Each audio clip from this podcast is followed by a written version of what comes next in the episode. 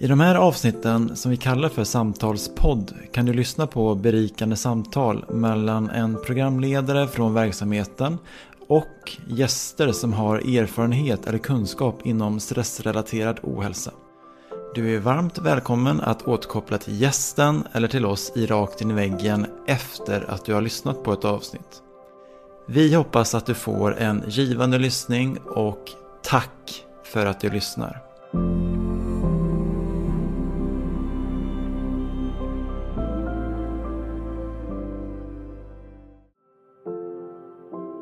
Alltså det handlar ju återigen om att vidga vyerna kring vad återhämtning är. Att vi inte är låsta i att det handlar bara om avslappning till exempel, eller att vila.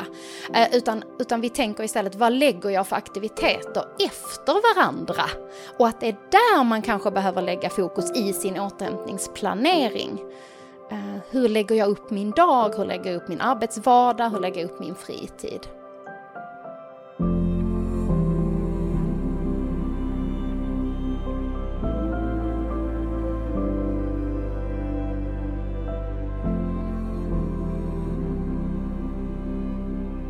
Hej och eh, välkomna till, eh, tillbaka till en ny samtalspodd. Idag så har jag med mig en kvinna som heter Lina Eilertsson och eh, vi har suttit nu här ett bra tag och försökt att få till ett, ett, ett bra ljud helt enkelt. Vi sitter på distans så att jag är hemma hos mig och Lina är hos sig i, i Skåne någonstans. Och jag har också fått lite förvarning på att eh, om det skulle vara något störande ljud lite längre fram så, så är det för att det är lite så byggarbete i Linas, Linas område. Men vi hoppas på att det inte ska störa vår intervju och att det kommer gå bra.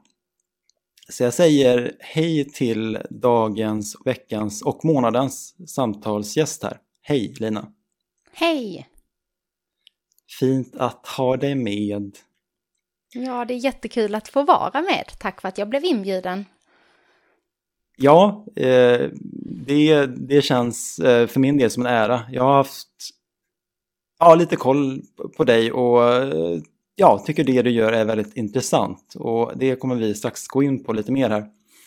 Men ja. det, vi börjar, det vi ska börja med det är något som vi kallar för faktarutan och eh, Eh, Ehm, och de flesta som har följt vår podd en liten längre period vet nu vad det är. Ehm, men för er som inte vet så är det, är det då fem frågor som eh, poddgästen kommer få som kommer ge dig som lyssnar en liten bättre profil kring vem poddgästen är. Så jag tänker att vi drar igång med det direkt här. Och då kommer första frågan. Vad är ditt namn? Mitt namn är Lina Eilertsson. Ålder? 35 år. Civilstatus? Jag är gift och har eh, tre barn som är två, fem och sju år gamla. Vart bor du? Jag bor i en liten by bland skog och hav i västra Skåne. Vad jobbar du med? du trodde när du ställde den frågan att det skulle vara ett kort och enkelt svar. Men eh, det är, jag har ju många bollar i luften. Eh, jag är ju egenföretagare.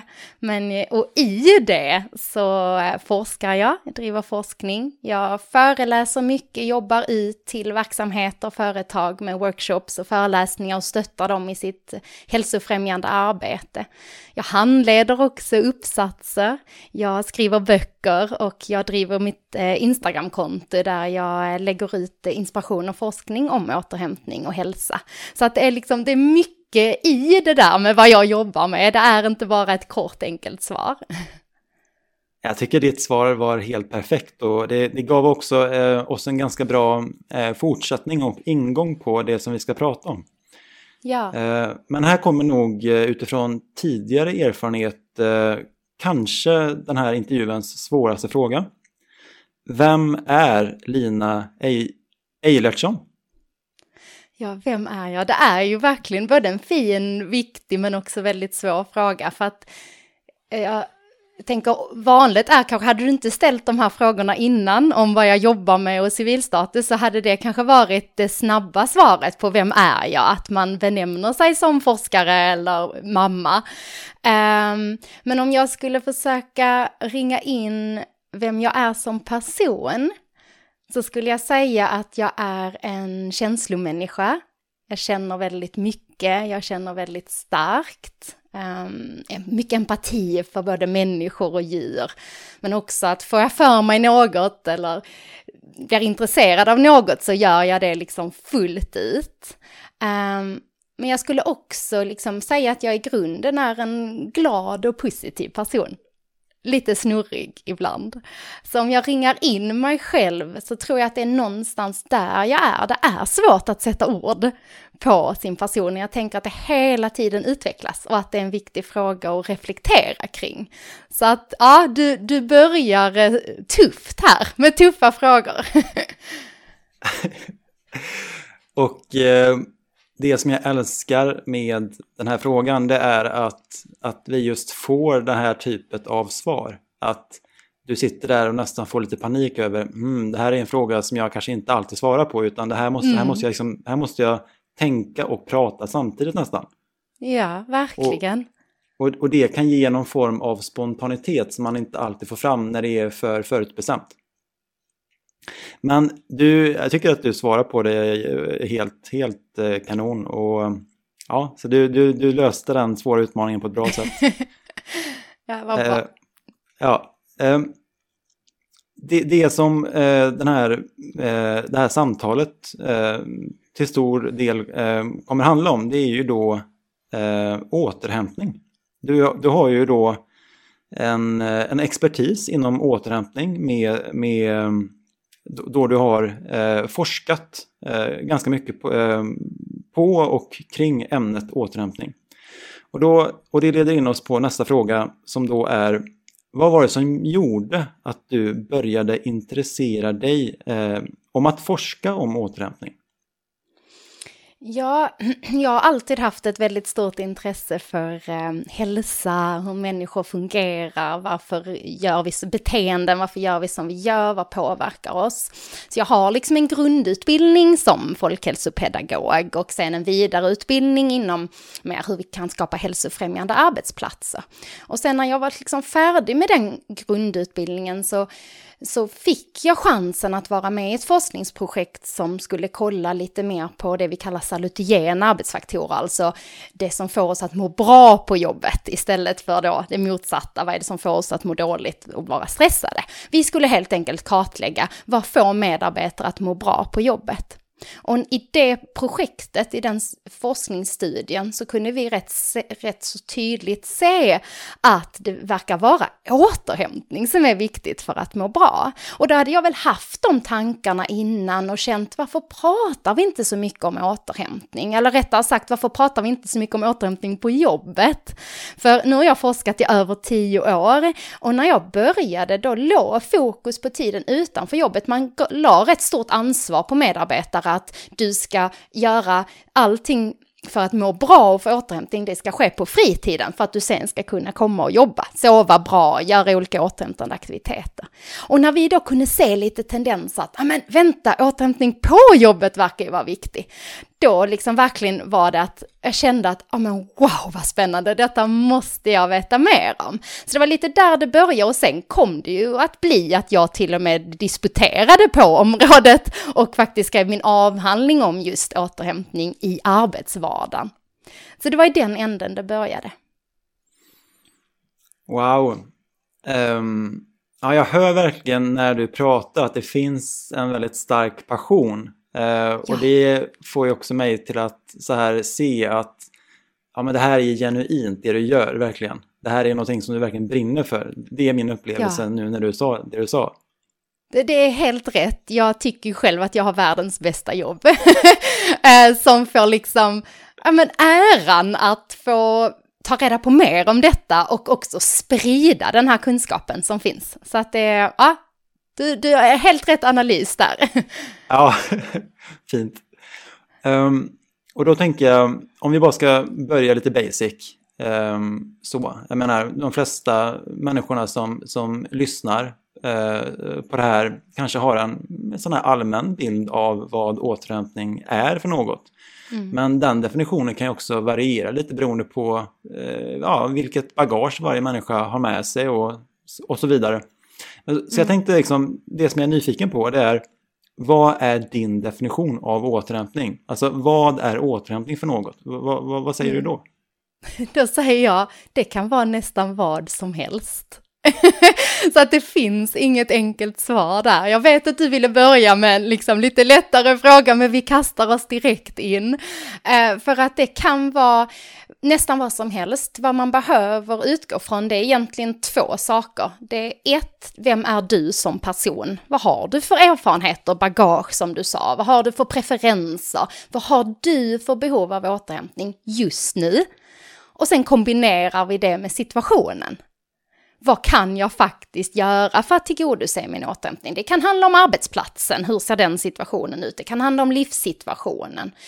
Så att det är liksom återhämtning, det är så stort och brett. Det handlar helt enkelt om, vi, du har använt någon resurs i dig, du har blivit trött på något sätt. Det behöver inte bara vara av stressande saker eller negativa saker eller av problem. Det kan vara att du har gjort något jättekul. Du kan ha träffat en kompis, det var jätteroligt, men du känner dig socialt trött efter och behöver därmed kanske vara ensam en stund. Så att det handlar om att liksom sätta fingret på var känner jag mig trött och sen hur, vad kan jag då göra för att återhämta mig? Så att man kan ju alltid ge massa exempel, vilket jag tänker att vi kommer komma in på. Men i grund och botten handlar det om varje individs behov. Det som, eh, det som växer mig och eh, en fråga som växer mig som eh, eh, eh det är går det att eh, ge två, tre exempel på olika kanske personlighetstyper som du har stött på i det här eh, som har lite mer en sån här allmän där, där det finns en liten skillnad på eh, hur återhämtning kan se ut för just de här olika exemplen eller personerna. Går det att säga någonting så? Mm, nej, kanske inte riktigt kopplat så till direkta personlighetstyper. Vad, vad man mer kan säga, det är kanske i allmänna termer vad forskningen visar. Det vill säga, vi vet att naturen är väldigt återhämtande. Och det är den för de allra flesta. Så. Eh, vi vet att Um, relationer i stor utsträckning kan vara främjande för återhämtning. Då pratar vi alltså trygga eh, och goda relationer. Um, det kan, vi vet att göra andningsövningar och avslappningsövningar i rätt situation, att det är jättebra för återhämtning och sänka pulsen och så vidare. Så att det är mer att man kan prata i sådana termer. Det har gjort otroligt mycket forskning på olika områden. Vi vet att sömnen är jätteviktig, även om det inte är allt. Eh, men sen är det precis tillbaka till det jag sa, att sen är det utifrån liksom situation och, eh, och de egna behoven. Mm. Ja, precis. Och eh, det som jag också undrar det är, många gånger så kan man stöta på en ganska så allmän bild av ett begrepp. Så att mm. eh, till exempel om vi tar återhämtning. Vilka är de vanligaste idéerna man har just kring återhämtning? Eh, jag vet att mm. någon, det, var, det var ju någon, eh, någonting jag läste om dig på nätet eh, och där stod det då att många kanske tänker just att det bara är vila, alltså att man ja. ligger och vilar i en soffa, att det är återhämtning mm. och nästan ingenting annat. Ja, verkligen. Eh, så är det och det är den vanligaste föreställningen. Vi har alltid fått höra att vi behöver en god natts sömn för att, för att få återhämtning. Det är liksom grunden. Och åter, eller sömn är jätteviktigt så att jag säger inte att vi ska sluta sova, men jag vill nyansera bilden av återhämtning. Att sömn är en pusselbit. Och för många är jag, jag forskar ju framför allt då på återhämtning i arbetslivet, eh, i arbetsvardagen. Och där är det liksom väldigt tydligt att man har en bild av att återhämtning det är låst till rasten och det är ofta kanske då att man sitter ner och pratar med sina kollegor. Eller sitter ner liksom eh, och pausar och vilar. Eh, och sen så kan vi inte se bortom det. Och, och där eh, är jag ju, försöker jag ju verkligen sprida just kunskapen om att återhämtning kan vara så mycket mer och det kan vara integrerat i livet på ett annat sätt och att vi måste tänka bort för att det är bara är från krav och belastning vi måste återhämta oss. Utan att vi liksom ser på det som att vi har ett batteri eller kanske till och med fem.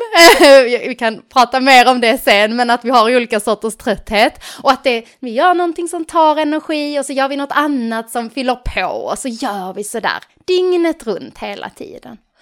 Så att det är nog liksom den vanligaste föreställningen, precis som du sa, det här passiva. Och då får vi inte glömma att återhämtning även kan vara aktiv.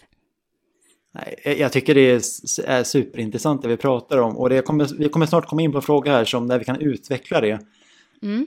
Um, för någonting som jag själv har upplevt, uh, jag har kraschat två gånger i utmattning mm. och har ju lärt mig lite olika saker uh, under de här resorna tillbaka till något annat. Och där så har jag just upplevt det där eh, som du lite lätt berörde förut med att vi kan ha fem olika batterier. Mm. Nu vet inte jag om eh, jag tolkar in det på det sättet som du menar på när du sa det. Men jag har ibland till exempel känt att, att jag kanske har haft energi rent eh, Ja, men kanske just energi som man tänker på energi i, i, i, rent allmänt. Att jag har, jag har kanske haft ett batteri eh, på Eh, säg då två av fem pluppar, eh, att kunna liksom göra saker rent allmänt. Eh, vilket mm. då är beroende kanske av hur bra jag har sovit, hur bra jag har tagit hand om mig rent allmänt. Men sen så kanske, kanske jag samtidigt har känt att jag har ett annat, ett mer specifikt batteri som handlar om att jag behöver eh, umgås, umgås mer med människor som, som ger mig mm. energi. Så att man skulle kunna beskriva det som att det då är ett, ett socialt eh, alltså relationer eller socialt batteri som jag behöver fylla.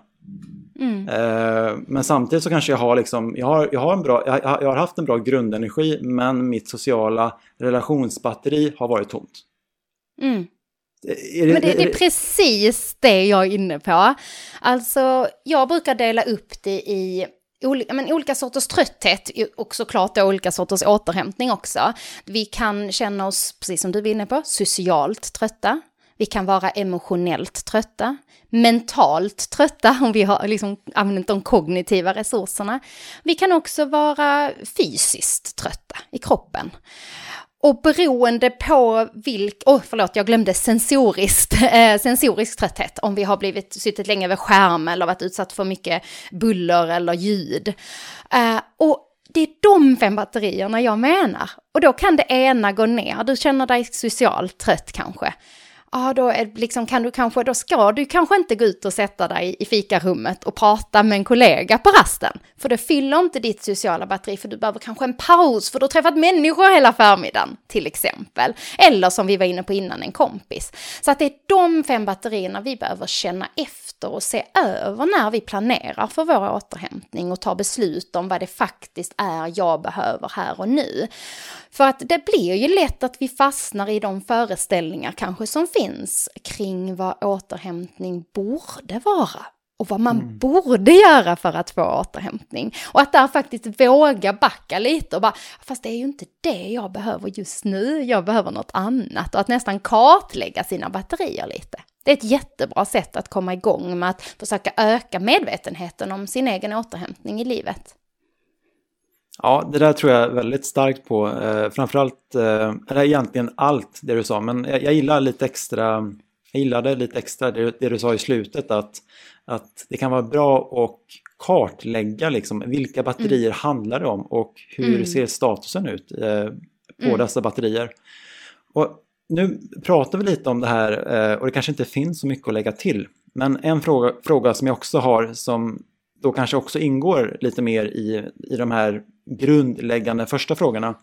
Det är när behövs återhämtning? Och det har vi pratat lite om, men finns det någonting som mm. man kan lägga till där? När behövs det? Ja, jag tänker att där ska man ju vara uppmärksam på den här balansen. Så när behövs det? Det är när du börjar känna signaler om att det, det påverkar ditt mående negativt på något sätt. Um, du, du känner liksom i kroppen kroppen, det är svårt att sätta ord på det, men, men just när du liksom, ja men nu har, jag känner mig trött, okej då sätter jag fingret på vilken trötthet och då behöver jag återhämta det. Och det är precis som jag var inne på i början kan det ju vara eh, alla typer av situationer som kräver återhämtning, även de roliga. Eh, så jag tror att det ringar in det rätt så bra. Ja, och jag har ju då eh, fuskat lite här, för, och det här kommer vi komma in på om en liten stund. Eh, för du, du har ju då eh, fördjupat dig lite i då eh, hur man då kan få in återhämtning under sin arbetsdag. Mm. Och jag vet att du har skrivit då en bok tillsammans med några andra som Ja, jag, jag hade skrivit upp det någonstans. Eh, vad var det boken heter? Den. Eh, det är en inspirationsbok om återhämtning i arbetsvardagen, ja, som jag skrev med mina forskarkollegor vid Lunds universitet. Precis, eh, och jag har, ja. läst på, jag har läst på lite där och då var just den frågan inspirerad från det som ni hade sammanställt, eh, alltså när det behövs återhämtning. Och några stödpunkter som jag la, la till här, det var då det som du pratade om innan jag ställde frågan, att återhämtningen kan ju då vara fysisk, intellektuell, emotionell eh, mm. och den kan vara kortare och eh, längre och mer sammanhängande. Mm. Precis, det är ju viktigt, tänker jag, just kopplat till arbetsvardagen. Att vi har olika typer av återhämtning. Det kan vara den här korta som du var inne på, den här mikropausen. Det handlar om några sekunder kanske. Ta ett djupt andetag innan du går in på nästa möte eller kallar in nästa patient eller vad du än har för arbetsvardag. Och det kan vara ett par minuter mellan två arbetsuppgifter. Och sen har vi de här lite längre som kanske främst läggs vid fikapauser eller lunchraster eller måltider halvtidsuppehåll där du faktiskt har möjlighet att under en lite längre period göra någonting för att återhämta den resurs du behöver återhämta. Så att det är liksom även det kopplat till situationen att vi är medvetna om det, att återhämtning inte behöver vara de här jättelånga stunderna, utan ibland kan det handla om att nollställa återfå nytt fokus, få ner pulsen lite eller liksom koppla bort jobbet en liten stund. Att det kan vara vad som krävs för att kunna ge sig in i nästa arbetsuppgift med nytt fokus och kunna jobba effektivt och kunna prestera bra. Ja, precis. Um, och det som jag kan uh, säga där, det är att, um, att ja, men, jag till exempel som då har eh, återhämtat, mig, återhämtat mig från då, eh, två krascher har ju insett att i den första inledande fasen när jag varit eh, mer akut utmattad så har det varit liksom nödvändigt för mig att jag får in x antal timmar återhämtning varje dag annars så blir inte jag mm. bättre. Så jag har ju skapat mm. sådana här återhämtningsmål på att jag ska få in, just nu så försöker jag få in då fyra timmars återhämtning varje dag. Eh, och det, det, är väldigt länge om man jämfört med, jämför med en person som eh, ja, anser sig vara mer frisk. Eh, men det som jag också börjar inse nu det är att, att jag behöver liksom expandera lite mitt sätt att se på återhämtning. Eh, det kanske inte behöver vara liksom så långa återhämtningspass utan jag kanske kan dela mm. in det i, i, i fler mindre pass. Och, men även att försöka få in liksom mikropauser i det på något sätt. Att, att ja. det också kan vara väldigt hjälpsamt. Det kan också vara hjälpsamt. Och någonting vi inte får underskatta, det är liksom nästan grunden i det hela, det här att göra tvärtom. Allt du, att du behöver inte ha liksom, om, om vi nu, det beror på vad man lägger återhämtning, men säg att man ser på det som att ah, men jag ska lägga mig på soffan och läsa en bok, det är min återhämtning. Men att då tänka, okej, okay, men kan det handla om istället att du har gjort någonting, du har använt dina sig, sociala resurser, då gör vi någonting motsatt och att det kan räknas då, inom citationstecken, som återhämtning. Så att, så att det inte blir, alltså det handlar ju återigen om att vidga vyerna kring vad återhämtning är, att vi inte är låsta i att det handlar bara om avslappning till exempel, eller att vila, eh, utan, utan vi tänker istället vad lägger jag för aktiviteter efter varandra? Och att det är där man kanske behöver lägga fokus i sin återhämtningsplanering. Eh, hur lägger jag upp min dag? Hur lägger jag upp min arbetsvardag? Hur lägger jag upp min fritid? Ja, jag, jag, tycker det är väldigt intressant eh, det du säger. Och eh, det som jag kanske har upplevt just är att i den inledande fasen eh, i, i, utmattning då, då känner jag liksom att då är, då är det väldigt litet spelrum som jag har att mm. Ehm, eh, ja, spela på. Mm. Utan då är det nästan bara vila eh, som gäller. Eh, jag minns i början eh, efter min andra krasch då, då orkade jag gå, då orkade jag, då orkade jag gå två 15 minuters promenader per vecka mm. och sen orkade inte jag ta på mig någonting annat. Nej. Eh, men det var ju ändå starten till något annat. Ehm, och nu till exempel, och, och just där och då så orkar inte jag läsa en bok för att även, även om jag eh, kanske hade velat läsa en bok så, så var jag för grundtrött så att jag hade inte liksom, mm. en kapacitet till att kunna ens intellektuellt läsa något för att jag, jag, jag kunde inte ta in ord. Eh, men desto längre jag kommer nu på min, på min resa och får mer energi i mitt grundbatteri, desto lättare blir det liksom mm. att börja fördela energin ut till flera mindre batterier. Precis. Ja, vi skulle och just kunna... kopplat till ja. utmattning så vet vi ju att just rutiner där är väldigt viktigt. Att man har, liksom, försöker ha rutiner att följa för att ta sig upp, göra sig i ordning kanske. Väldigt noga med den planerade återhämtningen jobba mycket, försöka tänka de här randiga dagarna som är viktigt för alla. Men framför allt vid utmattning att man varv, aktivitet, återhämtning, aktivitet, återhämtning. Alltså att vi, man är supernoga med det, att man inte överanstränger sig. Um, så att, och sen ser allas resa ser olika ut. Så att det är återigen det här med generella termer. Men man kan ändå prata utifrån liksom hur uh, forskningen ser ut. Och där, där ser jag ju att rutiner är en viktig pusselbit. Och liksom fokus på återhämtning. Ja. Ja. Um... Nej, men det där med randiga dagar, det har, det har jag blivit eh, bekant med förut och det, det är något som jag tycker är, är väldigt bra som du själv eh, trycker på. Mm. Men um, vi, kommer ju, vi kommer ju lägga lite mer fokus på uh, den här frågan kring hur man kan få in återhämtning under sin arbetsdag. Men mm. innan vi gör det så, så tänkte jag fråga dig uh, vilka dina tips, alltså bästa tips, uh, är när det kommer till att få in återhämtning under sin fritid. Alltså, jag, jag, tycker ju att det arbetet du gör med att amen, vi kan inte bara fokusera på, eller att, att du liksom har expanderat eh, återhämtningen även till att komma in under arbetsdagarna är ju superbra.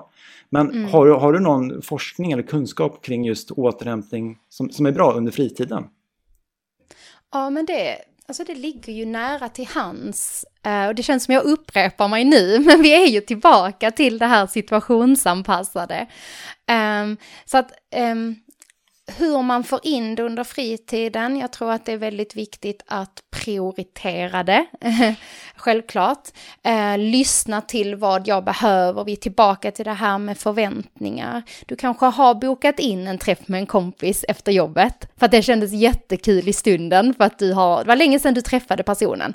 Och sen slutar du arbetet och känner dig helt socialt dränerad. Och du behöver göra det motsatta. Du behöver mm, gå och träna eller gå hem och läsa den där boken eller bara pausa.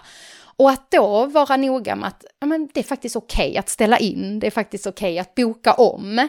Att det alltid är okej okay att prioritera det som får dig att må bra. Så att jag tror att det är en jätte ännu en sån där jätteviktig pusselbit att, att man måste, vi behöver prata mer om vad återhämtning är, vi behöver prata mer om vad som är okej. Okay. Um, och inte tänka så mycket på de här förväntningarna eller det dåliga samvetet. Så det är ju väldigt stora liksom generella termer och annars är det vad behöver du i stunden? Uh, och utgå från det i fritiden. Och sen såklart, många lever kanske i en, någon form av relation eller något familjeförhållande som man har andra att anpassa sig till. Och det är också en balansgång uh, där man inte är ensam och kan till 100% tillgodose det behov man har i stunden, utan där hittar det, handlar det om att hitta hitta stunder som faktiskt kan ge återhämtning och hur, hur ser jag på vad återhämtning är? Det kan ju vara för en eh, småbarnsförälder till exempel. Eh, att där kanske vi ska komma bort lite från det här att återhämta, ja men återhämtning är bara om jag får egen tid. Jag får ta ett bad i två timmar och ligga och läsa den där boken. Nej, det kanske det inte är just nu. Just nu kanske det är de här små stunderna när du eh, går ut med soporna alldeles själv. Eller du kan åka till affären och storhandla ensam. Eller ett par minuter du får till att bara få ner din puls, ta några djupa andetag, vara ensam. Men också att vi behöver tänka mer på, om vi nu pratar förälder, eh, småbarnsföräldrar, kan jag faktiskt återhämta mig med barnen på min fritid? Måste återhämtning vara egen tid? Nej, det behöver det faktiskt inte vara. Vi kan återhämta oss tillsammans med barnen, till exempel genom att om man känner att pulsen är hög, vi är stressade, kan vi sätta oss tillsammans och bara andas? Lägga det på en nivå som passar den åldern som ditt barn är. Lägga handen på magen, känna hur det känns när vi andas in och ut. Det gör jag ofta med mina tre. Och man ser hur de också får återhämtning av det och, och vi får ett väldigt fin, en väldigt fin stund tillsammans.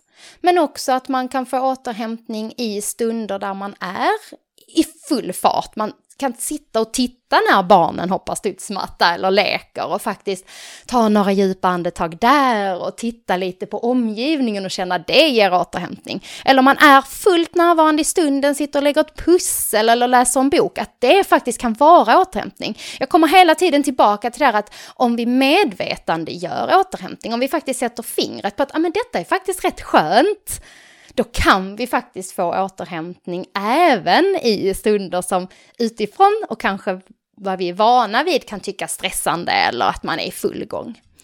Så hela tiden tillbaka till det. Ja, något som kommer till mig när du, när du, när du eh, precis berättade det du gjorde, det var att ja, men, expandera en sätt att se på det. Att se, alltså mm. expandera en sätt att se på återhämtning. Mm. Och vi hade just en, eh, det var så intressant att du pratade om eh, återhämtning och att vara förälder, eller småbarnsförälder. För vi har en lyssnarfråga från en eh, tjej som heter Sara.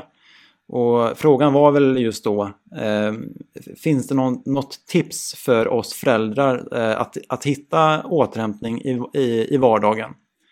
Eh, vilket då Sara har upplevt eh, har varit svårt.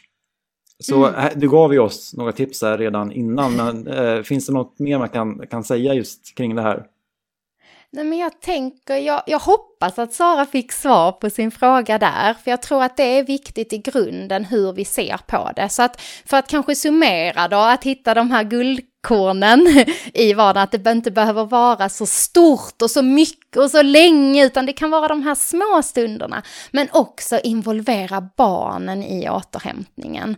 I så stor utsträckning det går, alla familjesituationer ser olika ut och det måste vi liksom, um, så, det, det, det vet vi, men att man utgår från sitt, hur kan jag i den här stunden få återhämtning? Och glöm inte att involvera barnen. De har, beroende på ålder, men de har fulla dagar på förskola eller skola och det är aktiviteter och läxor och kompisar, de behöver också återhämtning. Det är inte bara vi vuxna. Så att ibland behöver man bara landa hemma utan något planerat och bara vara. Och jag tror att det är också sånt att man förväntas göra så mycket hela tiden, planera så mycket hela tiden, men att, att vi inte ska vara främmande för att faktiskt bara landa och att, och att både barn och vuxna behöver återhämtning. Det är ett eh, allmängiltigt behov som vi alla har och viktigt, viktigt att tänka på. Mm. Ja, och sen, en sak som dök upp med nu, uh, jag vet inte om vi egentligen har tid för det, här, men uh, det, det, det, är uh, att, för du sa ju att barnen de har ju också behov av återhämtning. Då skulle man mm. försöka kunna få dem till att bli supertrötta i fotboll eller någon sport ganska länge och sen när de kommer hem så kan de få vila och då, kan, då får man själv en mm. vila där. Mm, ja, så kan man också se på det. ja, det, det är jag som är lite lurig eh, sådär tror jag i det där. Men okej, okay, då har vi ändå fått lite, lite tips då, lite mer tips kring hur man kan få in återhämtning eh, i sin fritid. Mm. Då går vi in på det som du då har eh, forskat eh, en del kring. Eh, som, mm. han, som, som just då handlar om hur man kan få in återhämtning i sin, i sin arbetsdag, eller alltså under sin arbetsdag. Så att, mm. Ja, och då tänker jag att om, om, vi, om vi bryter ner den frågan lite då, så, så undrar jag först då hur man kan få in eh, återhämtning som en individ under arbetsdagen. Och då tänker mm. jag lite mer om en verksamhet har en, då, har en verksamhetsledare, vd eller något annat så, så är mer fokuset här på arbetaren som är anställd. Mm. Så vad, vad, kan, ar, vad kan arbetaren göra för att få in återhämtning när hen jobbar? Mm. Och det är ju viktigt för jag, jag tänker att det är ju ett delat ansvar här som vi behöver liksom prata om eller poängtera att man har väldigt stort ansvar för sin, sin eget, sitt eget välmående och sin egen återhämtning. Och man kan göra väldigt mycket för sig själv i sin arbetsvardag oberoende av om du liksom sitter på kontor eller har ett späckat schema med patienter eller om du står vid ett löpande band. Liksom oberoende av situation så kan du göra vissa saker för dig själv. Men att det också behöver vara ett pågående arbete rent liksom på organisatorisk strukturell nivå där man skapar förutsättningar för medarbetarna. Så att vi inte glömmer de två delarna tänker jag bara för att jag möter ofta individer som känner, ah, hjälp, är, liksom, är allt, ska allt vara mitt ansvar nu? Och nej, så är det ju inte. Men vi kan komma väldigt långt med att göra saker för oss själva. Och där är det ju helt kopplat till eh, individen, vad är mitt behov? Och så kombinerat med situationen. Men eh, liksom allmänt i arbetet så ska man försöka tänka på dels mikropauserna, det vill säga jag kanske mitt under en arbetsuppgift känner att jag behöver få nytt fokus eller öka min kreativitet eller liksom få ner pulsen. Eller jag liksom har stått i en dålig ergonomisk position, ja men då gör jag någon rörelse eller reser mig eller sätter mig så. Så mikropauser under dagen, insprängt i arbetsuppgifter, men också försöka faktiskt att få in mikropauser mellan arbetsuppgifter. Varje gång du ska byta och göra något annat, ja men så till en liten mikropaus utifrån ditt behov i stunden. Men också att vi faktiskt nyttjar de här lite längre, om det är då i lunchraster eller måltidsuppehåll eller fikapauser till att göra något längre. Det har vi ju varit inne på.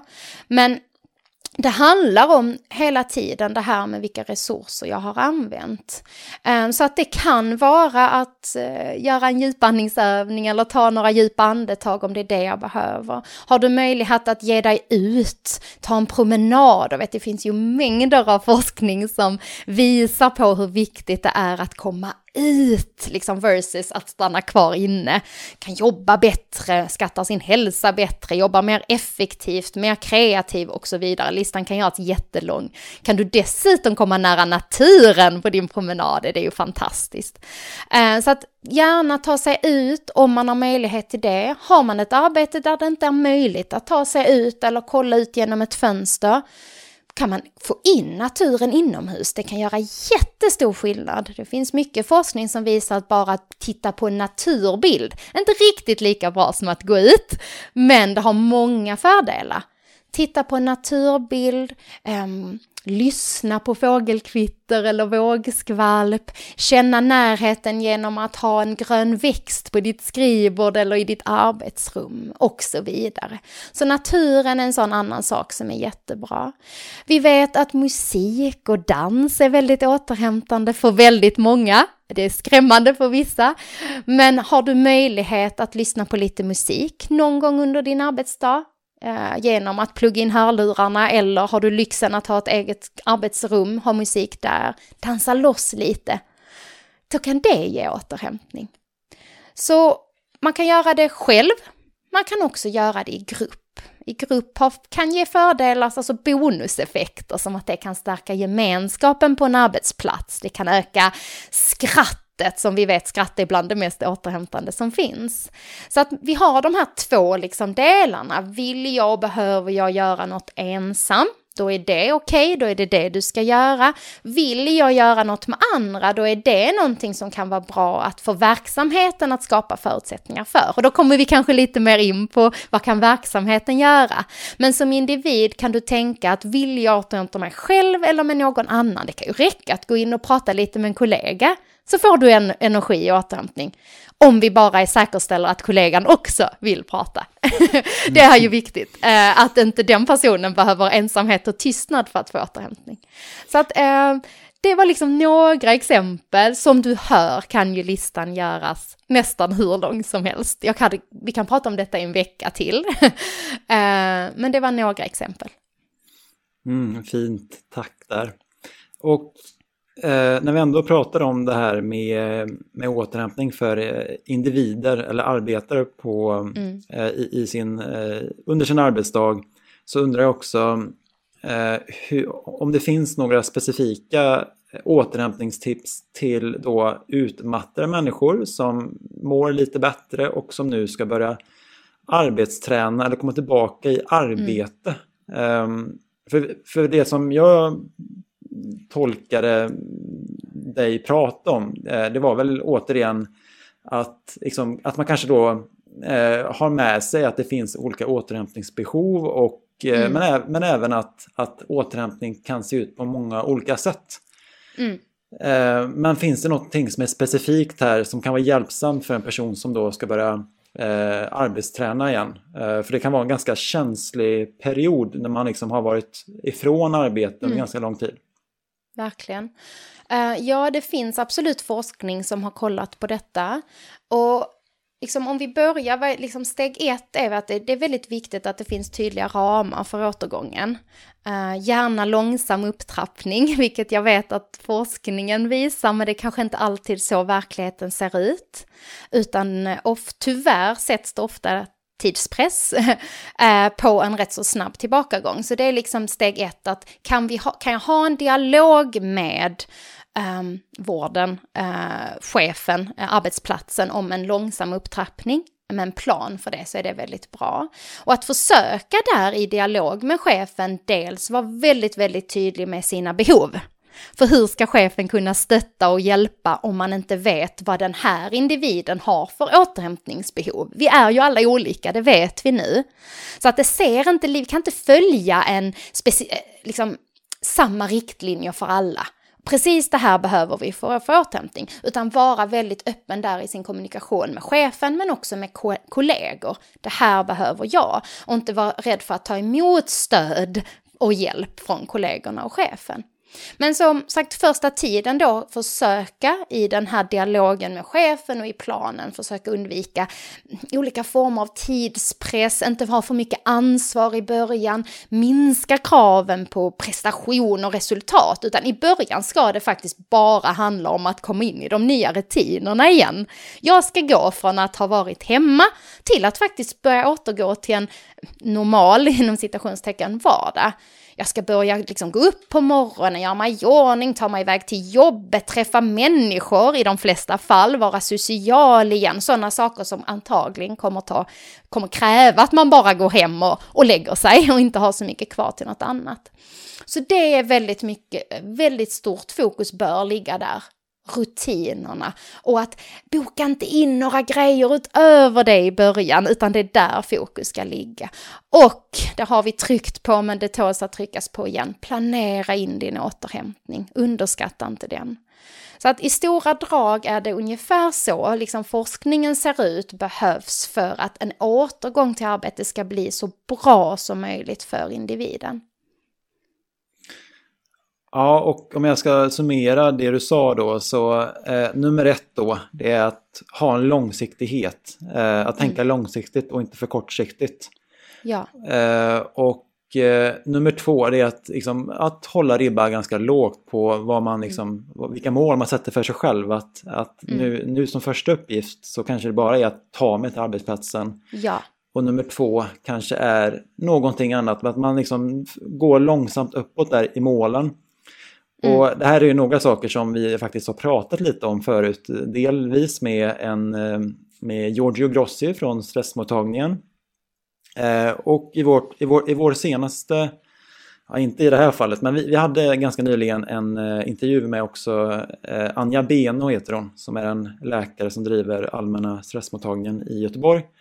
Mm. Och um, hon pratar också just om hur viktigt det är att ha en långsiktig återhämtningsplan. Ja. och där behöver man också få hjälp av av sin läkare, eh, men kanske också av en rehabkoordinator med flera. Och det som jag kan säga bara, det är att jag själv då, som jag sa förut, har ju kraschat två gånger. Mm. Och eh, när jag kraschade den andra gången så skulle jag vilja säga att en huvudanledning till det, det var just att jag eh, hade en eh, liten för snabb upptrappning i arbetet. Som såklart beror på att jag själv har en, eh, har kanske inte med mig, jag kanske inte har haft med mig så mycket tålamod utan tänkt att ja, men, där och då, då ska jag vara tillbaka. Men så, så var det inte. Men sen hade jag också en del press från Försäkringskassan och kanske inte en läkare som visste hur han skulle hantera just den processen med mm. att ah, Alexander behöver mer tid. Utan det var mer som att det gick inte just där och då. Mm. Eh, och det gjorde att jag faktiskt kraschade igen, ska jag väl säga. Att, att, just den pressen på att det gick så fort. Men den här gången så har jag verkligen fått tid på mig och eh, mm. jag känner liksom att jag har haft en så en sån otroligt stor tur både med läkare, handläggare på Försäkringskassan. Så att den här gången har jag verkligen fått göra det på ett bra sätt. Mm. Så jag kände att jag ville lägga till det. Ja. Ja, nej men, och det är så viktigt som du säger och där tror jag att vi behöver öka kunskapen i alla de här. Försäkringskassan behöver kunskap om den forskning som faktiskt finns om hur en återgång bör se ut.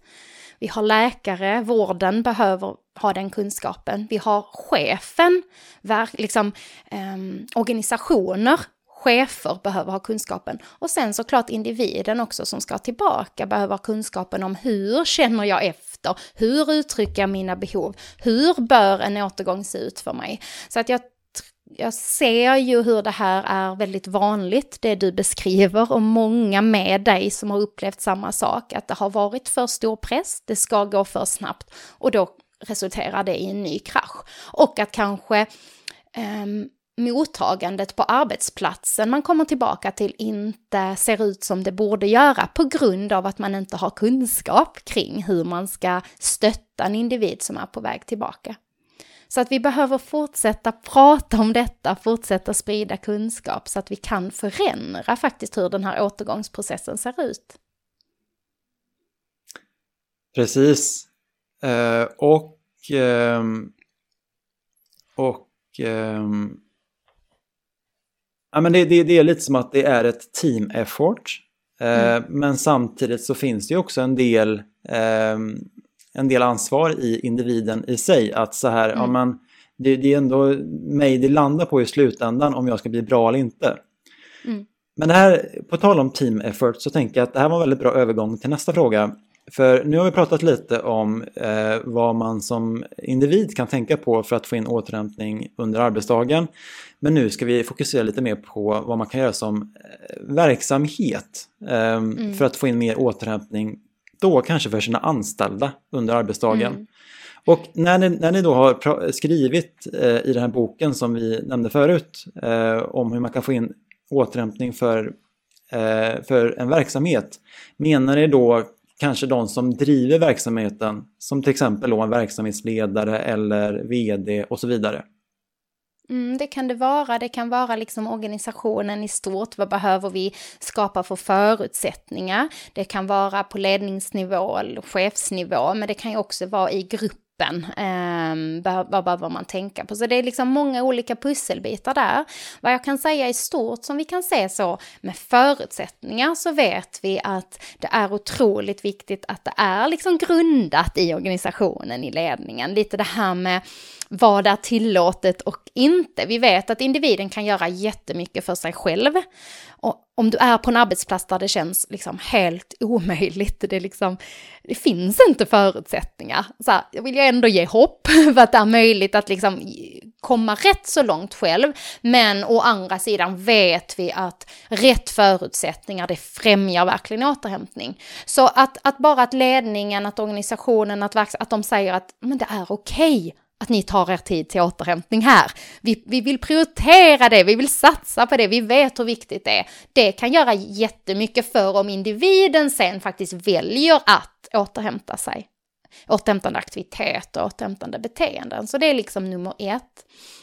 Och sen att man aktivt jobbar med det här tillåtande klimatet. Att man håller dialogen igång om återhämtning kan jag se har väldigt stor betydelse.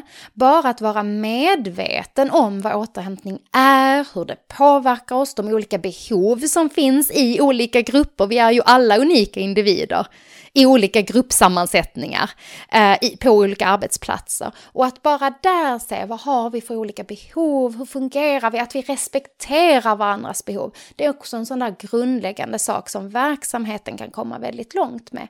Men vi ser ju också självklart hur att erbjuda faktiska återhämtande aktiviteter är väldigt positivt. Och då säger jag, jag betonar erbjuda, för vi ska inte glömma att det alltid är okej att säga nej tack, jag vill inte vara med på den gemensamma dansen eller andningsövningen eller stegräkningstävlingen, vad det nu än är, utan det är alltid okej att dra sig undan och återhämta sig själv. För alla är inte eh, alla vill inte återhämta sig i grupp och alla vill inte det olika stunder och situationer. Så erbjuda är jättebra. Att nyttja tider där man är samlade, forum som morgonmöten eller arbetsplatsträffar, personalmöten, teammöten.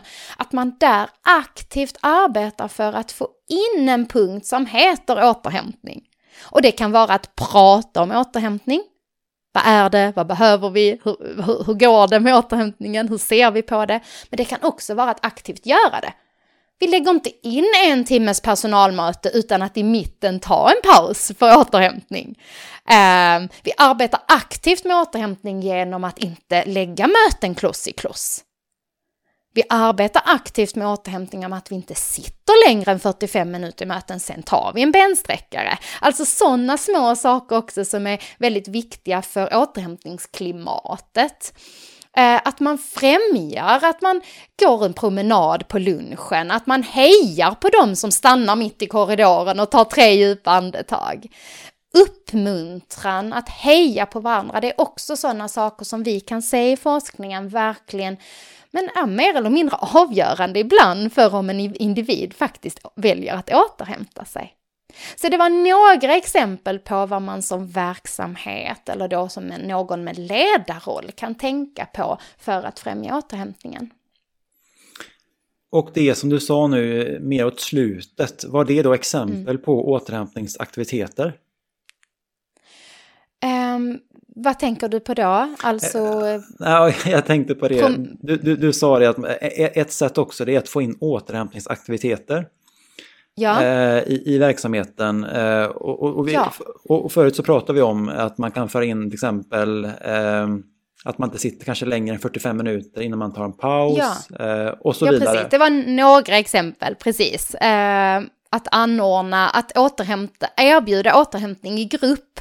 Och det kan ju se väldigt olika ut beroende på vilka är vi här idag jag har ju träffat verksamheter som liksom sätter på musik och dansar loss tillsammans på morgonmötet. Det är absolut inte för alla, men för vissa grupper kan det vara otroligt liksom förlösande och stärkande för gruppen och stärkande för återhämtningen. Det kan vara pausgympa, det kan vara, jag har jobbat med verksamheter som haft gemensam meditation, alltså den typen av aktiviteter när man ses. Men det kan också vara att du som individ säger, vill du hänga med ut på en promenad? Eller ska vi inte ta några djupa andetag ihop? Eller, ja men nu får vi inte glömma här och, och inte boka mötena för tätt eller vad det än är för något, eller att bara stå och småprata en stund. Berätta vad man har gjort i helgen istället för att prata jobb. Så att det ligger på väldigt många olika nivåer, det är liksom högt och lågt och vitt och brett det här, eh, vad återhämtning kan vara och vad faktiska aktiviteter kan vara. Så där gäller det ju både som ledare att se, okej, okay, vilka har jag framför mig och vad har vi för förutsättningar, men också som grupp, vad vill vi faktiskt göra och att ha en öppen kommunikation om detta.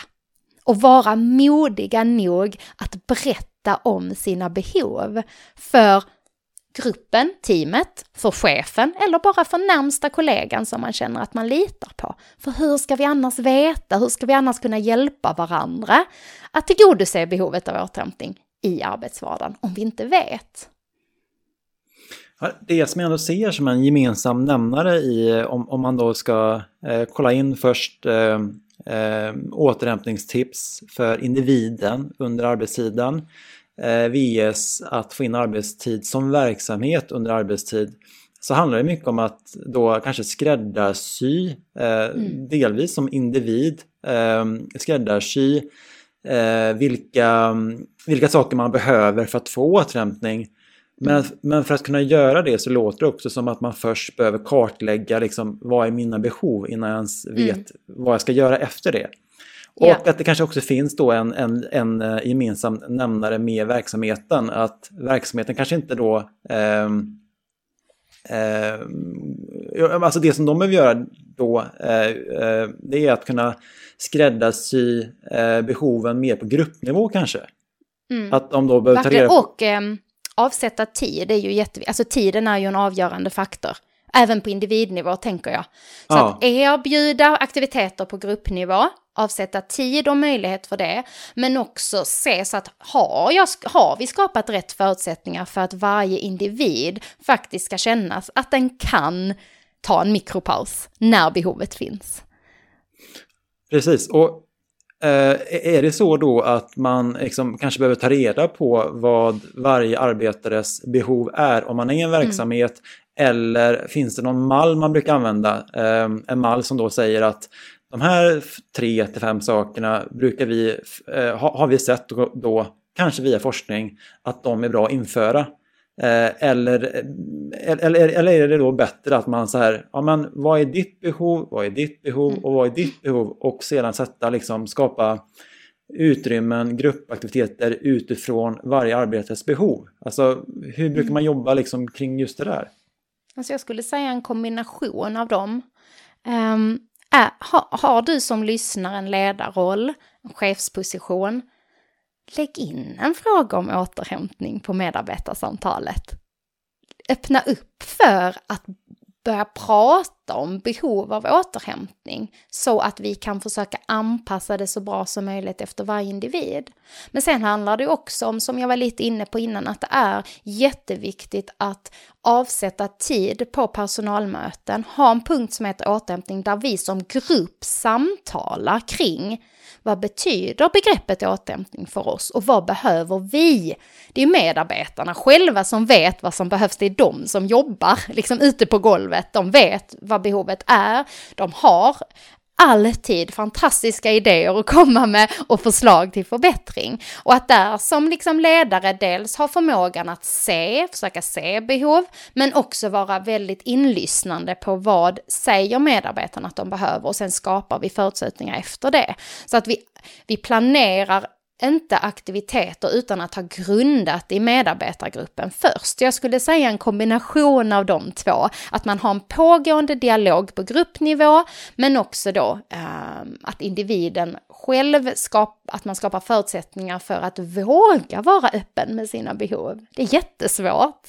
Det handlar om att skapa en psykologisk trygghet på arbetsplatsen där vi kan våga vara oss själva och det ligger jättenära kopplat till återhämtning att man, har, att man liksom kan uttrycka det här och inte är rädd för att någon reagerar eller tittar snett på mig för att jag sitter plötsligt i soffan och blundar med hörlurar på rasten istället för att sitta med vid bordet och prata. Det betyder inte att jag är sur på er, det betyder inte att jag inte tycker om er längre. Det betyder bara att just den här stunden behöver jag tystnad och liksom gå in i min bubbla och att det blir socialt accepterat och vet jag att den individen behöver det, men då har ju jag för såklart en större förståelse och kan ha en respekt för det, än att jag träffar många arbetsplatser där vi när vi bara börjar prata om detta kommer så otroligt långt. För att innan det hade varit så att man tittar på vad, liksom, vad är det för lite märkligt beteende, detta är vi inte vana vid. Och plötsligt sätter vi ord på att det här är återhämtning. Och då skapar det en större förståelse i gruppen. Så prata, prata, prata med varandra. Och det samma gäller ju självklart i privatlivet. Alltså vi är inte låsta till jobbet här. Berätta för dem som är nära dig, partner, familj, vänner, om ditt behov. För hur ska vi annars veta, som sagt? Mm, ja, tack där för, för de orden. Eh, jag har ju läst då eh, den här inspirationsboken, eller vad man nu kallar det för, som då heter Återhämtning under arbetsdagen. En inspirationsbok för individ och verksamhet.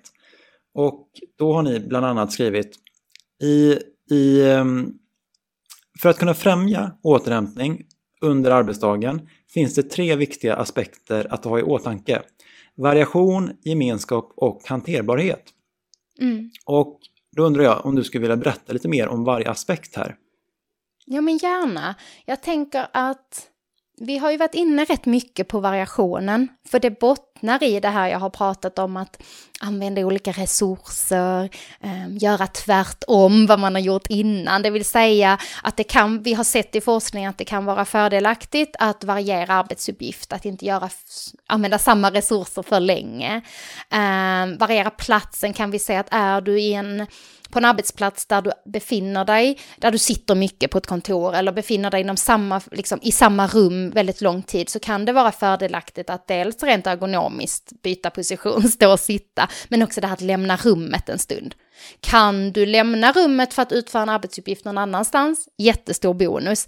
Men kan du inte det för att du har låst i det här rummet, bara lämna det en stund. Gå och hämta något att dricka eller ta lite luft så. Och sen vet vi även att variation i tempo är väldigt viktig och det tror jag, vi pratar inte lika mycket om hur viktigt det här är att vi inte kan prestera på topp en hel arbetsdag, utan vi har naturliga toppar och dalar, både eh, hur vi fungerar men också arbetsmässigt. Man kanske jobbar jätteeffektivt för man har en deadline eller man ska lösa ett problem eller man ska slutföra en arbetsuppgift och sen kommer det en liten dal och då är vi samma puls och vi fortsätter.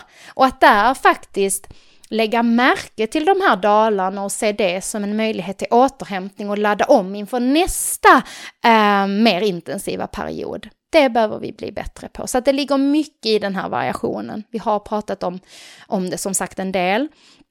Och sen kopplat till gemenskap så vet vi ju att gemenskap är jätteviktigt för individens återhämtning. Eh, att ha de här trygga och starka relationerna på jobbet, att tillhöra ett sammanhang, att kunna samarbeta i jobbet men också, ehm, ja men det som jag var inne på innan, det här att ha lusten att prata om något annat än jobbet. Ehm, det vet vi också faktiskt kan främja återhämtningen mot att vi är på en arbetsplats där vi inte har en god gemenskap, där vi inte strävar mot samma mål utan var och en ser till sitt. Där kan vi se hur det eh, hämmar återhämtningen för individen och hämmar liksom alla de här positiva effekter vi kan få på gruppnivå av att göra återhämtande aktiviteter tillsammans. Och sen har vi då den här hanterbarheten som också är jätteviktig för återhämtning. Vi kan se att men som vi vet ju att stress behöver ju inte vara negativt. Eh, det har ni säkert tagit upp i podden tidigare. Det, liksom, stress behöver vi för att kunna vara kreativa och kunna jobba och prestera. Däremot är det ju när vi har stress under en för lång tid utan att få återhämtning, då blir det negativt. Så att hanterbarhet handlar ju om att vi kan ha mycket att göra, men om vi känner oss trygga i vår arbetsroll, vi har koll på läget, vi känner kontroll, men då kan vi liksom få flyt i arbetet och beta av våra arbetsuppgifter. Men vi vet också att eh, det är väldigt viktigt att eh, kunna påverka sin arbetssituation. Och om man sitter där ute nu och känner jag går på schema, jag har noll flexibilitet, så här, ja men det är inte bara det det handlar om, utan det handlar också om att kunna påverka i form av att man känner sig lyssnad på, att jag kan komma med idéer till min chef eller till kollegor och så blir jag lyssnad på, man tar mig på allvar, jag kan påverka i viss utsträckning min arbetssituation eller hur arbetet ska, ska gå till. Um, så det handlar också om, eh, som sagt, kunna hantera sin arbetssituation, inte göra för mycket saker, alltså växla snabbt mellan aktiviteter, det här vi kallar multitasking, det vet vi är hämmande för återhämtning. Så vi vet att monotasking, en sak i taget, det är viktigt. Så att de här tre begreppen har vi sett i forskningen påverkar individens möjlighet till återhämtning. Så det är ju också något man både som verksamhet kan se över. Hur jobbar vi med de här pusselbitarna? Men också som individ då. Hur har jag det kring de här delarna och kan jag göra förändring till det bättre för att främja min återhämtning? Ja, värdefullt att få ta del av. Eh, och eh, en sak som jag kan inflika eh, med just kring variationer. Jag vet att jag, ehm, jag har en tidigare ehm, chef kan man säga, eller verksamhetsledare där jag jobbar förut. Och han gav mig ett tips om att, för han funkar väldigt bra att om man till exempel har, har en mer kreativ uppgift som kanske kräver lite mer, den är rolig men den kräver lite mer energi kanske man sätter den på förmiddagen då man kanske har lite mer samlad energi från natten. Och sen att det kan vara bra att balansera det med en mer monoton uppgift, kanske på eftermiddagen. Precis. När man ja. inte har, har, lika mycket energi kanske för fler kreativa mm. uppgifter samma dag. Mm. Så det var ett exempel då.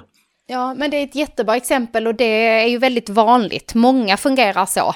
Eh, att man har ja, men bäst kanske då kognitiv eller kreativ förmåga på, på förmiddagen. Så du kanske inte, vilket vi ofta gör, alla vi som har kontorsarbete, man börjar dagen med att kolla mejlen det kanske du inte ska göra på förmiddagen för att det kräver inte lika mycket av dina kognitiva resurser utan du liksom bockar av, checkar av, svarar. Så det kanske du ska lägga på eftermiddagen när hjärnan börjar bli lite tröttare. Så att det är ett jättebra exempel och, och tillbaka till alla är vi olika. Du behöver se över hur du fungerar, hur din rytm ser ut, när, kan, när du mest produktiv. Men det är väldigt vanligt att det ser ut precis så. Och sen eh, eh, om vi tar den andra eh, aspekten där, eh, gemenskap, så eh, tyckte, tycker jag att du summerar väldigt bra utifrån det jag läste då i den boken som du själv har skrivit. ja. men en sak där som jag också skulle vilja trycka lite på, det är då att man också visar uppskattning inför varandra. Mm. Och mm. eh, du pratade förut om att det kan vara bra att börja uppmuntra du vet, även då beteendet av att, eh, alltså att få in återhämtning i ens liv, eh, både som individ och grupp. Um, så jag vill nog egentligen trycka på att, att det, är så, det är en så viktig del också att man då uppskattar just eh, återhämtning för att det kan ju då göra att man inspirerar andra och det är också en sak som ja. du har, har nämnt på, på flera ställen, alltså just den här inspirationsdelen. Mm. Mm, verkligen, och precis som du säger, positiv förstärkning, hur viktigt det är. Um, får du höra att wow, vad härligt det ser ut att återhämta dig, eller bra jobbat, vad, liksom jättebra att du tog dig tid till återhämtning och prioriterade ditt mående. Får du höra det så ökar chansen att du ska göra det igen. Så att det är väldigt viktigt med uppskattning, uppmuntran, positiv återkoppling. Att vi inte bara tänker det utan faktiskt börjar säga det. Så jag utmanar alla som lyssnar på detta att nästa gång ni tänker något positivt om en annan människa prova att säga det och se vad det kan göra både för dig själv och för personen du säger det till. Mm, det, var, det var ett bra tips. Eh, det, finns ett videoklipp som eh, heter Återhämtning i praktiken. Eh, och det här är då ett klipp som eh, Youtube-kanalen och verksamheten Sund arbetsliv eh, har skapat. Du är då en av personerna som, är, eh, som har huvudrollen i, i det här klippet. Och då får man eh, någonstans lite mer i den senare delen av det här videoklippet på cirka fem minuter så frågar man då Lina Eilertsson eh, om vilka hennes tre eh, bästa tips är just, är just för att få in återhämtning eh, under arbetet, tror jag. och mm. Eh, två av dem har vi liksom pratat om, för då, då var, jag tror tips nummer ett, det var just mikropauser. Att då mm ja, mikropauser. Tips nummer två var att skapa tid för reflektion och tips nummer tre var att inspirera andra. Mm. Jag tycker att vi ändå har pratat ganska mycket nu om mikropauser och inspirera andra. Um, eller delvis i alla fall. Det enda som jag kanske skulle vilja fråga dig om gällande mikropauser och, och, och det här tror jag att du skrev då, eller ni skrev i den här inspirationsboken. Det var att tre minuter har ni sett är ett ganska bra tidsspann när man kanske ska...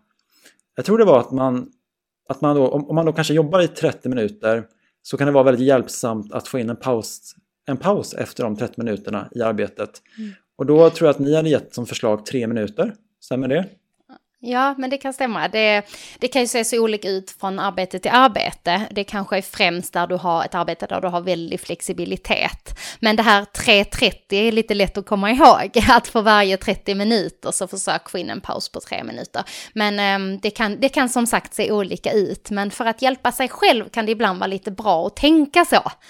Eh, att försöka få in en mikropaus. Men det kan, eh, vi får också liksom för vissa passar det att sätta ett alarm eller en påminnelse eller så, men det kan ju också vara, upplevas störande om man har flyt i en arbetsuppgift och då är det bättre kanske att slutföra den arbetsuppgiften och sen ta en paus. Så att liksom ta det med en nypa salt, men vi ska inte försöka, det ska inte gå för lång tid innan du faktiskt gör någonting för din återhämtning. Nej, och det här är också en intressant sak som leder mig in på en litet sidospår. Eh, när jag själv sitter och arbetar då mycket på egen tid här när jag håller på och eh, skapar på olika sätt i den här verksamheten Rakt ner i väggen. Eh, kanske heter någonting annat längre fram, men just nu heter det Rakt ner i väggen. Eh, då har jag märkt liksom att jag, när, jag, planerar veckan så så har jag delvis insett hur viktigt det är att få in space för återhämtning mellan det jag gör. Men jag, jag har också märkt att jag nästan behöver liksom, skapa olika tidsramar Eh, ramar eh, beroende på vilken uppgift det är. Har jag till exempel en monoton uppgift som jag gör varje vecka som jag vet tar ungefär samma tid, då kanske det räcker med 30 minuter. Men om jag till exempel har en utvecklingsarbetsuppgift eh, som jag gör på onsdagar eh, på morgonen till exempel och, den, och där kanske jag inte riktigt vet exakt hur lång tid det tar för att jag har inte gjort just den uppgiften innan. Däremot så har jag gjort andra utvecklingsuppgifter och vet ungefär hur lång tid det tar. Eh, men där, bör, där kanske det kan vara fint att ha en liten eh, mer flexibel och större ram för just den uppgiften. Eh, har, jag, har jag upplevt då i, i, i mm. mitt arbete då. Mm. Um, och det går ju kanske också det kanske också går lite hand i hand med, med den första aspekten, variationer, vem vet? Ja men verkligen, och att du då kanske känner när, när kreativiteten stagnerar lite och du känner nej men nu behöver jag ladda om för att jag kommer inte med de mest innovativa idéerna nu. Uh, och då kanske det passar med en mikropaus gå och göra något annat och sen kommer du tillbaka och så kan du köra vidare med den kreativa uppgiften. Så att det är liksom um, känna efter. Det är jätteklurigt i början. Uh, I början måste nästan återhämtning schemaläggas för att det är inte helt naturligt för oss i början, som med alla nya vanor vi ska ta oss till. I början måste man nästan liksom tvinga sig själv att göra det, schemalägga det och sen hoppas vi ju såklart att det blir en helt naturlig del. Så där handlar det om känna efter. Um, Kommer du, kan du inte fortsätta skriva, kan du inte fortsätta vara kreativ, nej, då är det dags för en paus. Så att det är väl klokt att du har lite rörliga ramar där eh, för den typen av uppgifter. Ja, och, och precis. Och, och sen jag som är lite en nörd i att planera, för jag ser verkligen, eh, jag minns att eh, Johannes Hansen skrev det. Vet du vem Johannes Hansen är? Uh, nej. Det, det är en eh, ganska stor person inom det han gör, inom eh, mental coaching kan man säga. Och han skrev, han har väl också utmattning och utbrändhet som ett centralt ämne i det han gör. Och då har han sagt det eh, i någonstans att, att eh, många människor går runt och tänker att planering är någon form av direkt kontrast till att kunna ha frihet i sitt liv eller arbete. Men det som han menar på det var att det enligt hans upplevelse så är det nästan tvärtom. Att har en god planering så kan du också planera in frihet i ditt schema. Yeah. Jag tyckte det var intressant att ta med här, men vi ska inte dyka vidare på det. Eh, däremot så... Nej, tiden går fort. det är så kul att prata med dig. Eh, ja, det, det, det som det tredje tips här, det var ju, det var just reflektion också. Alltså att mm. förutom mikropauser och att inspirera andra, till exempel genom att lyfta upp då eh, tax, eh, nej, lyfta upp återhämtning på arbetsplatsen, så är det också viktigt med reflektion. Mm. Och jag tänker att om man tar en mikropaus på tre minuter, då får man ju också en liten naturlig reflektionsstund där. Alltså i, i det mest, kanske, vem vet, intensiva arbetet man gör. Mm. Så vad, finns Men, det någonting att prata om reflektion där? Ja, men reflektion kan absolut vara en jätteviktig form av återhämtning. Det kan vara att mellan två arbetsuppgifter för att det här att inte ha, det här med multitasking som jag var inne på innan, är där är ju reflektion ett jättebra sätt att färdigställa och lägga undan en arbetsuppgift. Och det kan ju vara att bara reflektera över hur arbetsuppgiften gick eller hur det kändes eller sådär. Och vi kan se i forskningen att, att um, av allt som påverkar vår återhämtning i arbetsvardagen så verkar reflektion vara bland det absolut viktigaste. Så är det liksom något man ska prioritera så är det reflektion på egen hand eller tillsammans med andra. Um, och då kan det som sagt med fördel göras mellan arbetsuppgifter eller precis innan hemgång för att kunna liksom lämna jobbet på jobbet. Det är också sånt som påverkar återhämtningen på fritiden. Så att reflektion är ett viktigt verktyg. Och är man inte van vid att använda det eller inte har det inlagt på arbetet så rekommenderar jag att fundera över att lägga in det och lyfta det på arbetsplatsen. Att faktiskt ha fasta tider för reflektion, ha en punkt med reflektion på teammötena eller personalmötena.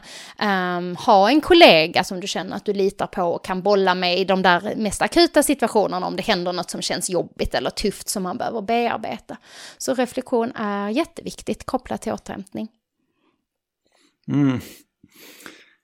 Um, från det här till något annat så uh, en sak som jag också känner är viktigt att ändå lyfta lite kring. Det är, för ni, ni pratar ju då om uh, återhämtning uh, under sin arbetsdag och arbetet kan ju då vara på en fysisk arbetsplats men det kan ju också vara som har blivit väldigt så vanligt senaste åren framförallt, det är att man jobbar på distans. Eh, så jag tänkte om vi bara kan eh, avsätta några minuter, till, några minuter till att prata om eh, vilken eh, skillnad eh, det finns kanske då när det gäller återhämtningstips om man jobbar på en fysisk arbetsplats eh, jämfört med att jobba kanske mer hemifrån på distans. Mm. Jo men verkligen, där är ju absolut skillnader. Det är ju samma grundtanke med hur man använder resurserna och hur man återhämtar dem. Men det finns ju andra typer av utmaningar. Men också andra saker som förenklar återhämtningen. Eh, men med det sagt så är vi ju alla olika, så vad jag kan se där om jag bara går till mig själv som ju jobbar eh, nästan uteslutande i ett hemmakontor, eh, hur det för mig är väldigt återhämtande att ja, men jag skriver mycket och så kanske jag inte hittar riktigt kreativiteten, jag tar en paus, jag slänger in maskintvätt eller fyller en diskmaskin, så är det väldigt återhämtande i stunden, jag får ny inspiration och det är lugnande för jag vet att då behöver jag inte göra detta ikväll. Medan jag vet för andra är det väldigt stressande att se allt som behöver göras hemma eh, runt sig. Likadant med pendling där jag har, ser det som en stor fördel att slippa pendla för jag kan hämta tidigt på förskolan varje dag. Medan för andra är ju pendlingen kanske den här värdefulla tiden för reflektion och en chans att ladda, ladda om. Så att först och främst vill jag säga det att, att det kan vara väldigt olika vad som ses som positivt och negativt. Men om vi pratar liksom allmänt vad vi kan se vanliga utmaningar vid distansarbete så är det dels det här med den sociala distanseringen som ju blev verkligen eh, tydlig under pandemin. Eh, där det var en stor utmaning för chefer framför allt att se de medarbetare medarbetare som mådde dåligt. Så att när man jobbar på distans men ändå har liksom en, en fysisk arbetsplats eller en, en, arbetsgrupp, en tillhörighet, det är att inte tappa det här. Fortsätt boka in digitala fikor, fortsätt stämma av med en kollega eller med dina medarbetare om du är chef. Bara kolla läget, se hur det går, så att vi inte tappar varandra där, för den här småsnacket vid kaffeapparaten, det är jätte jätteviktigt för vår återhämtning, för vårt välmående, för vår gemenskap. Så att det är väl det första, det här liksom det sociala, att inte släppa det. Ta med kollegan ut på en lunchpromenad. Ni kan väl ha videosamtal och visa varandra era närområden. Sen är det ju det här risken liksom att arbete och fritid flyter ihop, som är när man jobbar hemma. Så där är, kan man få försöka vara, om det går, ha en eh, avgränsad arbetsplats, gärna ett rum som går att stänga dörren om. Har du inte möjlighet till det, packa ihop dina jobbsaker så de inte ligger framme på vardagsrumsbordet eller köksbordet så att du hela tiden ser jobbet. Så det är en annan sån viktig grej, tydlig avgränsning. Det kan till exempel hjälpa att gå till och från jobbet och då pratar jag alltså ta, gå ut genom ytterdörren, ta en liten promenad och gå tillbaka hem och sen börja jobba. Så att du får den här pendlingen så kallat ändå och möjligt till reflektion och det blir mycket tydligare att nu jobbar jag, nu är jag ledig. Och sen en, en sista utmaning som jag tänker kan vara värt att nämna, det är just det här att glömma att ta pauser. För det blir, när man är på en arbetsplats, det, det är lätt lättare. Man ser en kollega gå förbi och ska gå och ta en kopp kaffe eller man hjälper att påminna varandra. Man har kanske ett naturligt schema som man följer med mikropauser. Medan sitter du hemma, då går lätt timmarna ut och du glömmer det. Så att där kan vara viktigt att hitta din rutin för pauser. Det kan vara pop-up-fönstret på datorn eller ett alarm i mobilen, men det kan också vara ett annat sätt att du bestämmer dig att du tar en paus mellan varje byte av arbetsuppgift eller liknande. Ehm, så att det ser jag liksom som de främsta utmaningarna och någonting som personer som jobbar på distans behöver vara medvetna om och skapa rätt förutsättningar för. Det låter ju som att man delvis eh, behöver ha, eh, att man behöver ta kanske ett lite större ansvar för sin egna situation om man jobbar på distans. Men mm. också att man kanske då också är eh, disciplinerad i det. Eh, mm. Och kanske förstår liksom att, att, som du sa förut, så om man är på en fysisk arbetsplats så kanske man inte förstår hur viktigt det är med de här små kaffepauserna eller eh, små mötena eller vad man nu än har. För mm. att det kommer naturligt. Mm. Eh, men att man då kanske liksom mer medvetet behöver föra in det när man jobbar på distans. Sen kan jag också säga att eh, jag blev lite inspirerad. Eh, för jag har ju läst den här inspirations, inspirationsboken. Och, eller om det var på ett annat ställe där du eh, medverkade. Och då sa du just det där med eh, att det kan vara, kan vara, kan vara bra att ha en ritual eh, för när jobbet börjar och slutar. Och att det då till mm. exempel kan vara att man då går en promenad runt kvarteret eh, innan man börjar jobbet och sen när man är klar för då vet man att nu är det fritid som startar när jobbet slutar. Mm.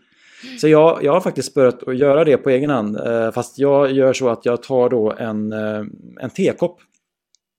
Så att eh, när jag tar på en tekopp och så när jag dricker den då vet jag att nu börjar arbetet. Och sen mm. gör jag en tekopp när jag är klar och då vet jag att efter att tekoppen är klar då är jobbet klart. Vad fint. Så det är jag... ju en perfekt ritual och väldigt tydlig. Uh, och, och, ett annat sånt där jättetydligt exempel, det är ju det här att byta om till mjukiskläder när man kommer hem. Det tror jag alla har gjort någon gång. Det är också en sån här ritual som hjälper hjärnan att förstå, nu är jag ledig, nu jobbar jag inte längre. Så att man får hitta sitt lilla sätt, men att vara väldigt tydlig i det för sig själv kan vara bra. Precis. Eh, men tack för de eh, tipsen där. Nu eh, närmar vi oss vårt slut och eh, eh, jag, tänker, jag tänkte lyfta upp en eh, lyssnarfråga till här som jag fått från Isabelle. Och hon vet ju då om att du forskar och det som hon då undrar det är hur ser det ut med svensk forskning idag? Vilken återhämtning hjälper bäst? Och det här kan vara en ganska svår fråga eh, och det kan också vara en fråga som vi kanske egentligen har pratat om i hela podden. Men vad dyker upp i dig när, när, jag, när, jag, sa, när, när jag sa den frågan? Nej, men jag tror faktiskt att det rätt enkla svaret är att det, man nog inte riktigt kan se skillnader i, beroende på land eller nationalitet eller vad man kan, utan, utan äh, återhämtning tycks vara, fungera på samma sätt. Sen kan ju i typ av återhämtningsaktivitet eller vilket sammanhang man återhämtar sig kan ju säkert skilja beroende på då vad man har för preferenser, erfarenheter, vad man kommer ifrån för kultur, vad man är van vid. Men, men ingen sån skillnad i, i forskning är det inte. Nej. Och en följdfråga på detta, det är vad forskar du på just nu gällande återhämtning? Ja, just nu är jag faktiskt precis, eh, har avslutat ett forskningsprojekt, eller håller på, eh, med en forskarkollega där vi har kollat lite mer på ledarens roll. Eh, I återhämtning på, eh, i arbetsvardagen. Och då pratar vi både chefer med chefsansvar men också men lokalt drivande krafter. Det kan vara en hälsoinspiratör eller någon som har ett intresse för detta och mm, kommer med idéer och förslag och aktiviteter och påminner sina kollegor och sådär. Så vi kollar lite mer på den rollen, hur viktig är den? Vilka förutsättningar behövs för att det ska funka? Eh, vad är viktigt att tänka på i en ledarroll? Så det är otroligt spännande och jag satt faktiskt här igår och, och slutförde artikeln som nu ska skickas för publicering. Så inom en förhoppningsvis rätt snar framtid så går det att läsa om de här spännande resultaten. Ja, det låter eh, som ett väldigt eh, intressant Eh, aktuellt och eh, spännande ämne som jag gärna tar del av resultaten sen. Mm. Ehm, sista frågan innan vi tar, gör den sista delen av eh, det här samtalet. Det är en liten annorlunda fråga som jag som, ehm, som väcktes i mig faktiskt om det var igår eller i förrgår. Jag såg på ehm, i dina sociala medier så pratade du om att sociala medier eh, kunde ha en viss positiv påverkan på återhämtning. Eh, eller så har jag tolkat det fel, men skulle du, skulle du vilja berätta lite mer om just det? Ja, men det kan jag absolut göra. Eh, jag lyfte ju, eh, inlägget du syftar till var på min eh, Instagram, återhämtningsforskaren, där jag delar just spännande forskning om återhämtning och hälsa. Och där tyckte jag att det var viktigt bara att nyansera bilden av sociala medier. Um, för att den här aktuella studien, den gjordes på um, servicepersonal som var i kontakt med människor hela dagarna.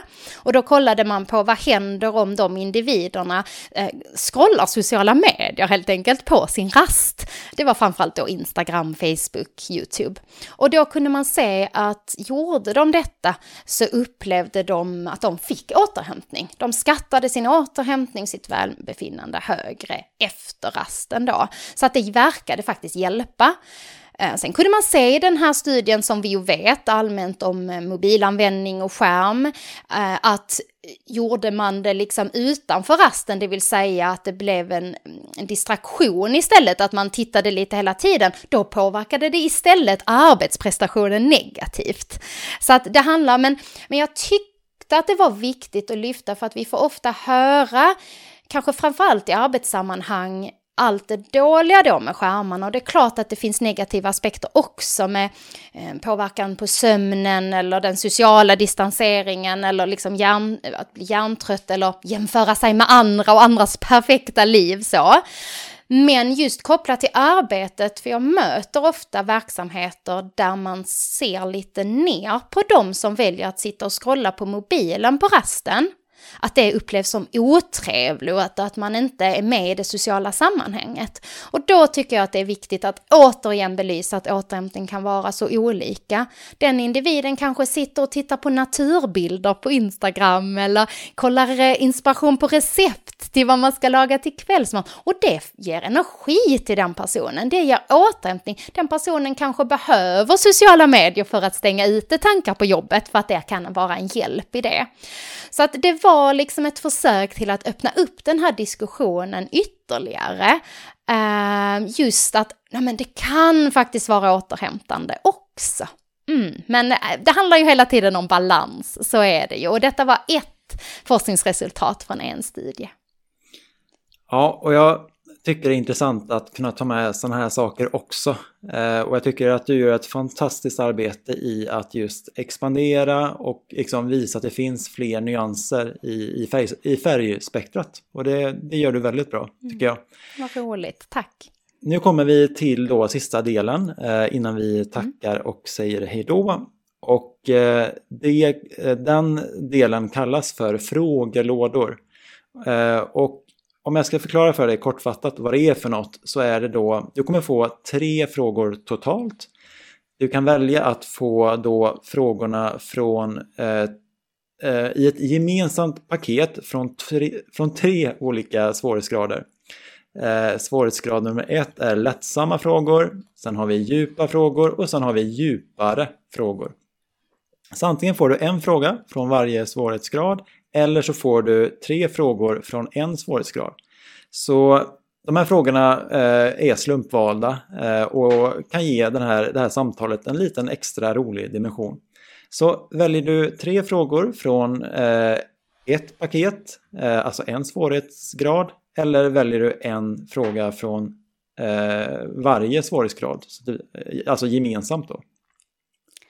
Jag tänker ju nog då att vi har gått rätt djupt in här i återhämtning och utmattning och vänt och vridit på det här begreppet. Så jag tänker att vi kanske ska avsluta lite lättsammare. Så jag tror faktiskt att jag väljer lättsamma frågor den här gången. Mm. Lättsamma frågor? Yes. Ja, då ska du först få välja en siffra mellan 1 till 10. 3. 3. Vad är det busigaste du har gjort? Oj, vad svårt. Um, jag tänker att som förälder, som mamma, gör man busiga och tokiga saker varje dag för att få sina barn att skratta och ha roligt själv. Så um, svårt att komma på något konkret exempel, men jag tänker att det helt enkelt är en del av livet. Så det busigaste du har gjort är kopplat till dina barn kanske då? Ja, jag tror det. Absolut är det så. ja, då ska, vi få, eh, då ska du få välja en ny siffra mellan 1 till 10 och då får du inte välja 3 då. Då tar jag 7. Eh, vad skulle du göra om du kunde leva för all... vad skulle du göra om du kunde leva för alltid? För alltid? Måste jag leva för alltid? Jag tror faktiskt inte att jag vill det. För jag vill inte leva utan eh, mina nära och kära som kanske inte har turen att leva för alltid som jag. Men ehm, skulle jag liksom ändå göra det, jag tänker att fortsätta göra meningsfulla saker uh, som ger livet mening, eh, där man känner att man kan bidra och man mår bra själv i det man gör. Det var ett fint svar och jag skrattar för att du, du vill ha lite enklare frågor och så ja. hade vi den där Jag också. vet inte om du verkligen har tagit de lättsamma till mig. Okej, okay, ja. men nu gör du bra. Sista frågan, eh, då får du inte välja sju eller tre. Så en lättsam, lättsam fråga till inom citattecken. Mm, då kör vi nummer nio. Eh, om du skulle ha en superkraft, vad skulle det vara? Nej men oj vad svåra frågor, är det här lättsamma? Um, um, en superkraft. Oj vad svårt. Jag tänker så här, men det, det är något jag, jag vet inte om vi kan kalla det superkraft, men jag tänker att det kan vara ett bra tillfälle att föra vidare ett begrepp som följer med mig och som jag tror är väldigt viktigt för alla. Och det är superkraften att kunna snälltolka och jag tycker det är ett väldigt fint begrepp och jag tror att vi har för lite av det i våra liv, i vårt samhälle. Att man alltid utgår från att den andra vill väl. Och jag tror att det är väldigt viktigt också kopplat här till återhämtning och vad vi har, hur, vilken respekt vi har för varandra med de olika behov som finns och olika arbetsplatser olika människor. Så jag tänker att hade jag kunnat få den superkraften att alltid ha den förmågan att börja där, Ehm, då skulle det ju vara fantastiskt. Och jag hoppas att um, men vi kan vara fler som börjar försöka snälltolka i livet. Jättebra svar tycker jag. Du gjorde det bra här också. Eh, tusen tack Lina för att du eh, valde att vara med i vår podd. Eh, det har varit för min del jätteintressant och jag hoppas att de som har lyssnat på det här har känt något liknande, att det har gett något. Um, hur gör man för att, uh, om man vill komma i kontakt med dig, hur gör man då? Men då gör man faktiskt det enklast genom mina sociala medier. Jag nämnde ju det innan, men ni hittar mig på återhämtningsforskaren om ni, liksom vi, tycker att detta är jättespännande och vill veta mer. Och där är det också enklast att komma i kontakt med mig. Så följ gärna med in dit. Lysande. Um, Eh, och vi kommer såklart eh, ehm, ta med Linas Instagram eh, ja, i det här, i det, till det här poddavsnittet i, i den beskrivande texten så att ni vet det.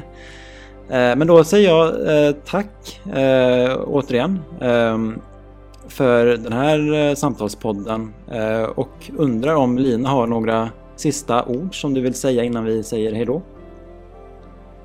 Jag vill bara tacka så jättemycket för att jag fick chansen att vara med. Det blev ett väldigt fint samtal. Så eh, tack till dig Alexander och tack till dig som har lyssnat. Vill du också medverka i Rakt in i väggens podcast? Besök vår hemsida för mer information på www.raktinivaggen.com medverkan. Om du vill tipsa oss om en poddgäst eller om du har en fråga eller synpunkt på det vi gör kan du alltid mejla oss på podcast raktinivaggen.com för att få svar. Tack för att du lyssnar!